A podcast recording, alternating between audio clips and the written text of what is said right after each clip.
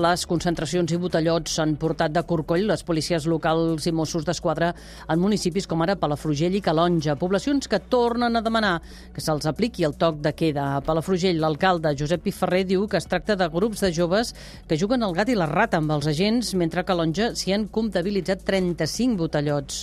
Girona, Albert Requena, bon dia. Bon dia. L'alcalde de Calonja, Jordi Soler, exigeix solucions al govern de la Generalitat. Diu que la situació és insostenible perquè els joves s'enfronten a la policia i les destrosses i conflictes ja han comportat cancel·lacions i fugides de turistes. No ho sé, el que sí tinc molt clar és que les reserves d'hotels es perdran totes.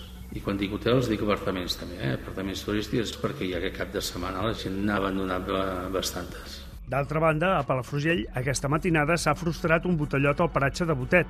L'alcalde, Josep Piferrer, diu que es tracta de grups de joves difícils de controlar.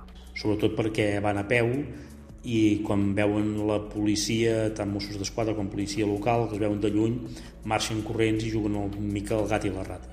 Aquest, diríem ara, actualment el que ens preocupa més i estem intentant anar buscant fórmules per tenir-ho controlat. Només ahir a Palafrugell la policia va posar 24 denúncies, mentre que a Calonja han estat 50 per aquest tipus d'incidents.